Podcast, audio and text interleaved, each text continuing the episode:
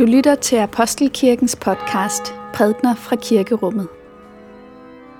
Find mere information på apostelkirken.dk.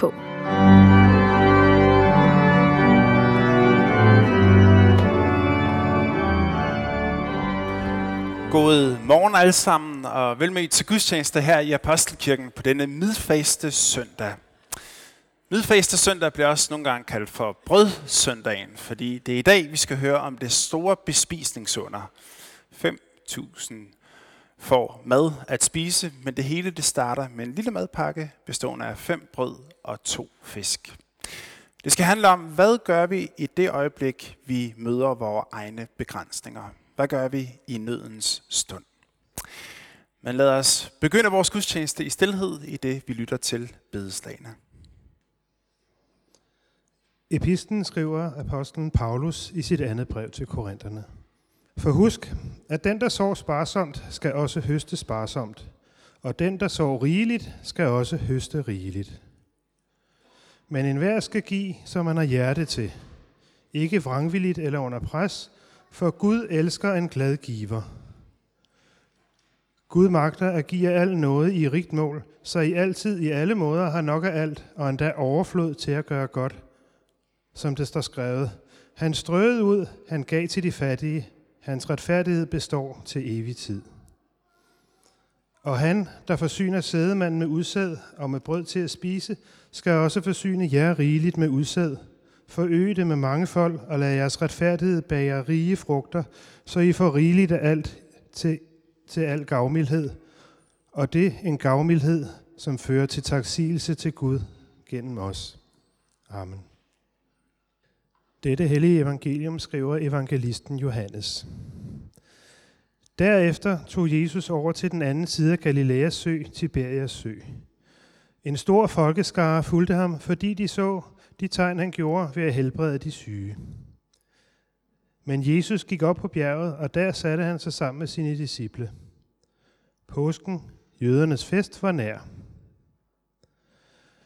Da Jesus løftede blikket og så, at en stor skare kom hen imod ham, sagde han til Filip, Hvor skal vi købe brød, så disse folk kan få noget at spise? Men det sagde han for at sætte ham på prøve, for selv vidste han, hvad han ville gøre. Filip svarede ham, Brød for 200 denarer slår ikke til, så de kan bare få en lille smule hver. En af hans disciple, Andreas, Simon Peters bror, sagde til ham,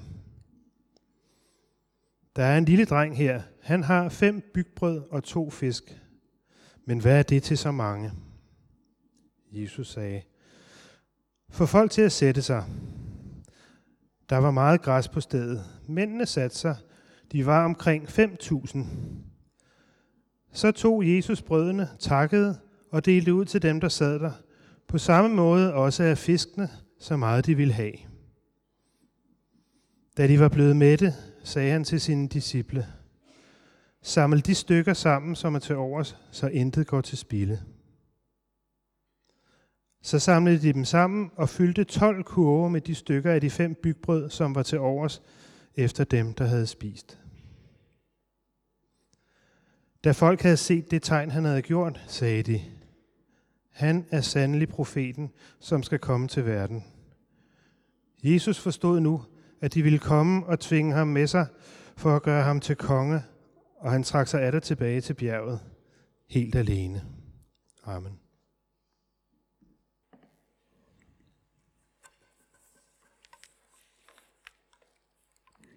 Lad os bede sammen.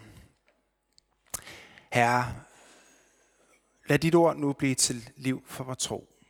I faderens og søndens og helligåndens navn. Amen. Vi har netop hørt en af de mere velkendte underberetninger fra evangelierne. Og vi hører altså, at Jesus sidder med disciplene oppe på et, et bakkedrag. Og på den måde så de kun se ud over. Og det de har fået øje på, det er, at der er en menneskemængde på vej hen imod den. Og de har altså ikke kun kunnet se, at folk var på vej, men de har også kunnet se, hvor mange folk der var på vej. De har kunnet danne sig et indtryk af den store folkeskare, som var på vej hen imod den. De har helt bestemt talt haft et overblik. Og et overblik er jo generelt godt, men i det her tilfælde, så betyder det her overblik ikke, at der kommer ro på. Tværtimod. Overblikket er noget, som kalder på handling.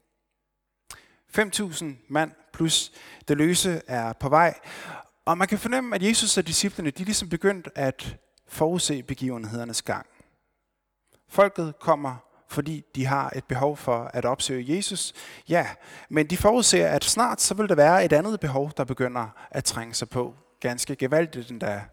Og det er sådan et behov, som ikke lige er så let at udsætte, nemlig sulten. De rumlende maver. Og vi kender historien derfra, ikke sandt? Ikke en mad, en mave forlader stedet den dag og er sulten, fordi Jesus han gør det store bespisningsunder. I dag så skal vi mærke os, at den her underberetning har en lidt speciel omstændighed ved sig. Og det handler i høj grad om den måde, som selve underet bliver til på. Oftest, når Jesus gør sine under, så er det Jesus, som gør en suveræn handling. Altså Jesus, som udfører et mirakel ud af det rene ingenting. Jeg læste der sådan, der er en kategori af Jesu under, som bliver kaldt de medicinske mirakler. Og medicinske, det refererer sig til alle de under, som har med helbredelse at gøre. Så altså de lamme, som kommer op og gå, de blinde, som bliver seende, spedalske, der bliver rene osv. Medicinske mirakler, men når man tænker over det, så er det ikke fordi, der er skyggen af medicamenter med i de her beretninger, ikke sandt? Det er ikke Jesus, som giver disse mennesker et vidundermiddel, som de så indtager, og så bliver de raske. Det er ikke en trylledrik, som Jesus mixer sammen, og så sker der noget. Nej, miraklet sker ikke ved et middel. Det sker ved Jesu ord. Rejs dig, tag din borger gå. Eller kvinden, din tro er stor, det skal ske dig, som du vil. Altså mirakler sker egentlig ikke ved en læges mellemkomst eller ved medicinens mellemkomst. De er ikke forbundet med noget. Men i dagens tekst er det anderledes. Jesus gør et mirakel i dagens tekst, men han gør det ikke ud af det rene ingenting. Han gør det ud af meget, meget lidt. Nærmere bestemt en lille drengs madpakke. Fem brød og to fisk. Og de her fem brød og to fisk, dem tror jeg ikke, der er noget hokus pokus ved. Brødene helt sikkert for ovnen. Fiskene fra Genesrets sø, som vi forstår, at teksten tager udgangspunkt i. Det der, de er. Og det er ganske almindelige måltid, garanteret også en ganske almindelig dreng, ganske ondselig fra nabolaget af, som snuser, hvor der er, at der sker noget. Han har søgt sig hen derhen. Det ualmindelige sker først i det øjeblik, hvor at de her ting bliver lagt over i Herrens hænder. Og der er noget i den her overdragelse, som teksten egentlig ikke kommer nærmere ind på, men som jeg synes er ganske, ganske interessant. For hvad er det egentlig, som får drengen til at melde sig på banen? Hvad er det, der gør, at drengen på en eller anden måde ser en kobling mellem den lille madpakke, som han bærer rundt på, og så den store udfordring, som disciplene og Jesus er ved at have indkredset? Teksten svarer som sagt ikke entydigt på det spørgsmål. Vi læser blot, at der er en af Jesu disciple, nemlig Andreas, som er opmærksom på, at der er en dreng med lidt mad. Og så tilføjer han, men altså, det står jo ikke på nogen måde til. Hvad er det i forhold til så mange mennesker? Der er sådan en tankegang her. Det, er jo ikke, det gør jo ikke nogen forskel. Det er jo blot en dråbe i havet. Det forslår overhovedet ikke. Og tankegangen, det er givetvis et udtryk for den mest typiske måde, vi reagerer på som mennesker, når vi står over for udfordringer her i livet. Nemlig den beregnende tilgang. Altså der, hvor vi gør os vores forudsætninger klar, og så agerer vi ud for det. Der, hvor vi ligesom analyserer og, og forholder os realistisk til vores handlemuligheder. Og den her beregnende tilgang, den har altid et spørgsmål, et ledespørgsmål, som bliver stillet igen og igen, nemlig, nytter det egentlig? Nytter det? Er det en farbar vej at gå? Altså, nytter det at give mine penge til dette menneske, som står og rækker hånden ud? Eller nytter det, at jeg kaster mange kræfter i forskellige former for engagementer? For hvad er udbyttet egentlig, når det kommer til stykket? Eller kan det betale sig, at jeg investerer tid i nogle af de mennesker, jeg har omkring mig? Hvad er outputtet egentlig? Nytter det noget? Og hvis vi kan svare ja på det spørgsmål, så handler, det, handler vi. Hvis svaret er nej, så må vi finde på noget andet. Og i virkeligheden så er det jo det, at disciplen her gør i sin tilbagemelding til Jesus. Han siger, ja, her er der en dreng, som har noget at spise. Det er, ikke, det er ikke meget, det er lidt, og det er ikke nok til at løse den udfordring, vi står overfor. Vi må tænke i andre baner. Og sådan stilles vi alle sammen i talrige situationer, hvor vi må foretage en eller anden form for bedømmelse, der bestemmer vores måde at handle på. Og den her beregnende tilgang, den er ganske naturlig, og der er også noget fint ved den. Der er noget ganske ansvarligt ved den, fordi den søger jo ligesom at forstå konsekvenserne af de ting, vi overvejer at gøre. I går aftes var flere samlet her til Earth Hour, som er den her årlige begivenhed, hvor lyset slukkes. Vi havde koncert her i kirken, og lyset slukkes for at sende et signal til denne verdens ledere om, at nu er det tid til at gøre noget. Klimaet gennemgår forandringer i øjeblikket, som er truende for en stor del af verdens liv. Og hvis der ikke gøres mærkbare tiltag, så kommer vi ikke til at kunne bremse denne udvikling, eller snarere afvikling. Altså Earth Hour er et opråb, som forsøger at fastholde os mennesker på vores ansvar, som forsøger at, at fastholde politikerne på deres ansvar. Fordi den vej, vi er på vej ned af nu, den fører et sted hen, hvor vi egentlig ikke vil hen. Vi har lavet regnestykket. Det ser ikke godt ud, det vi gør her. Og kan vi gøre noget ved det? Ja. Skal vi gøre noget ved det? Ja. Men der er efterhånden noget, som tyder på, at tingene er sat i bevægelse på en sådan måde, at det ikke er så meget et spørgsmål, om der er klimaforandringer, men snarere, hvilke konsekvenser klimaforandringerne kommer til at få for vores jordklode. Hvad betyder det, at nedbøren ændrer sig?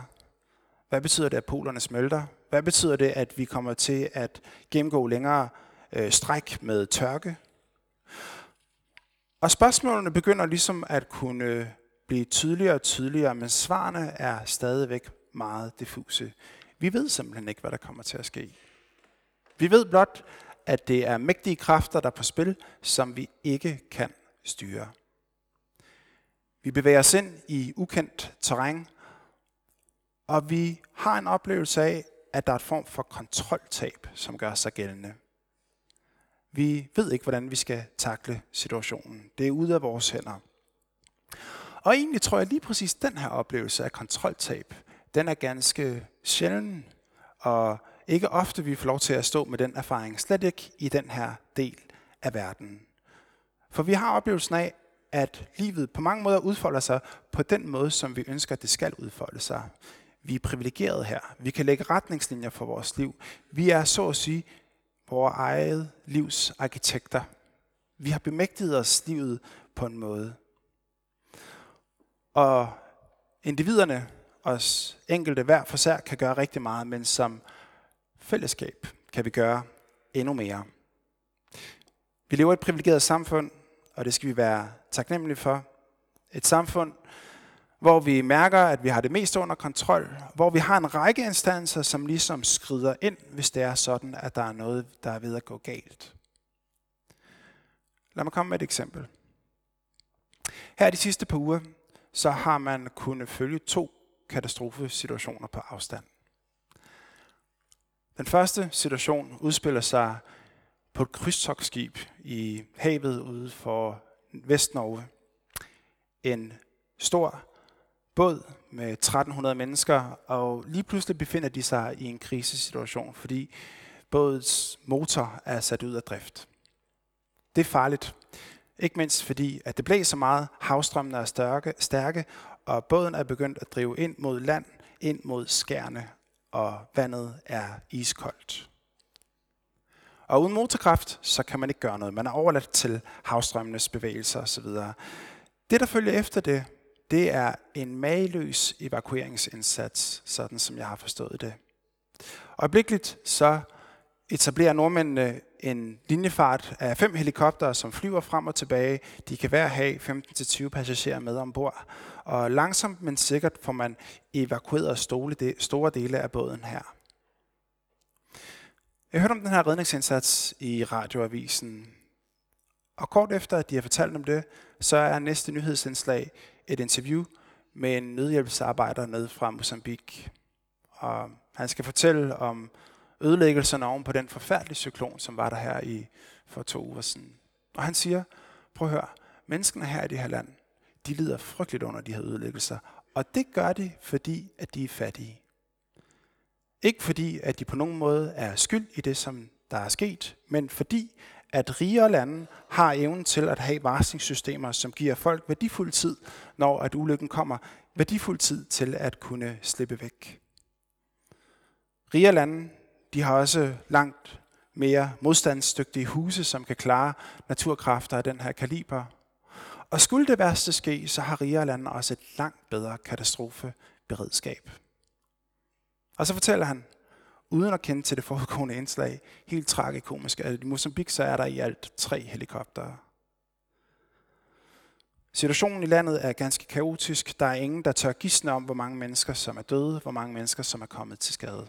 Se, fra et perspektiv, så er det her to nyhedshistorier om mennesker i nød. Men fra et andet perspektiv, så handler det om to grundlæggende forskellige måder at være i nød på i vores verden. I den ene situation er der hjælp på vej. I den anden situation er de fuldstændig overladt til sig selv.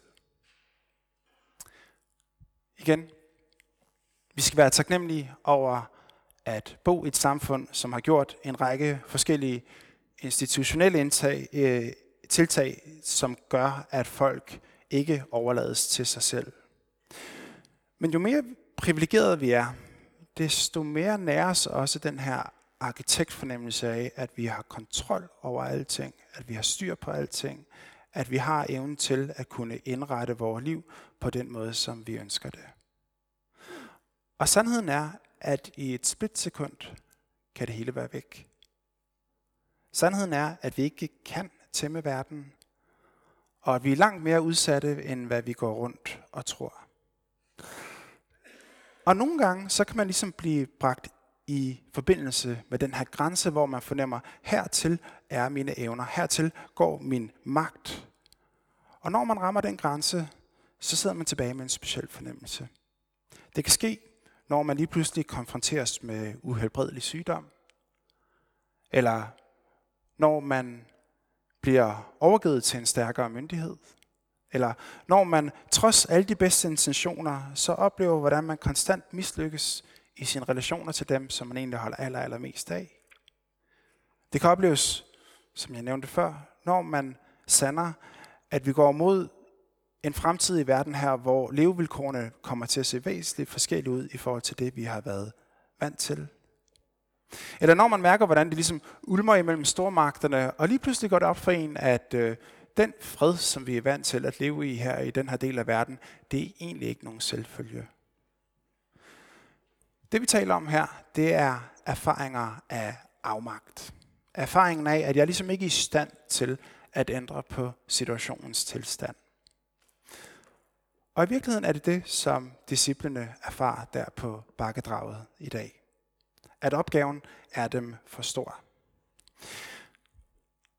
Og når vi læser beretningen i dag, og egentlig også når vi tænker efter i vores eget liv, så er det at indse sin egen afmagt ikke nogen særlig let erkendelse at komme til. For det ligger intuitivt i os, at vi gør alt for ligesom at vende en hver sten, at afprøve alle muligheder for at se, om vi kan gøre vores indflydelse gældende. Men dagens tekst lærer os, at i denne afmagt, så kan der ske noget. Drengen med de fem brød og de to fisk, han er muligvis den allerførste i scenariet, som udspiller sig i dag, der erkender sin afmagt.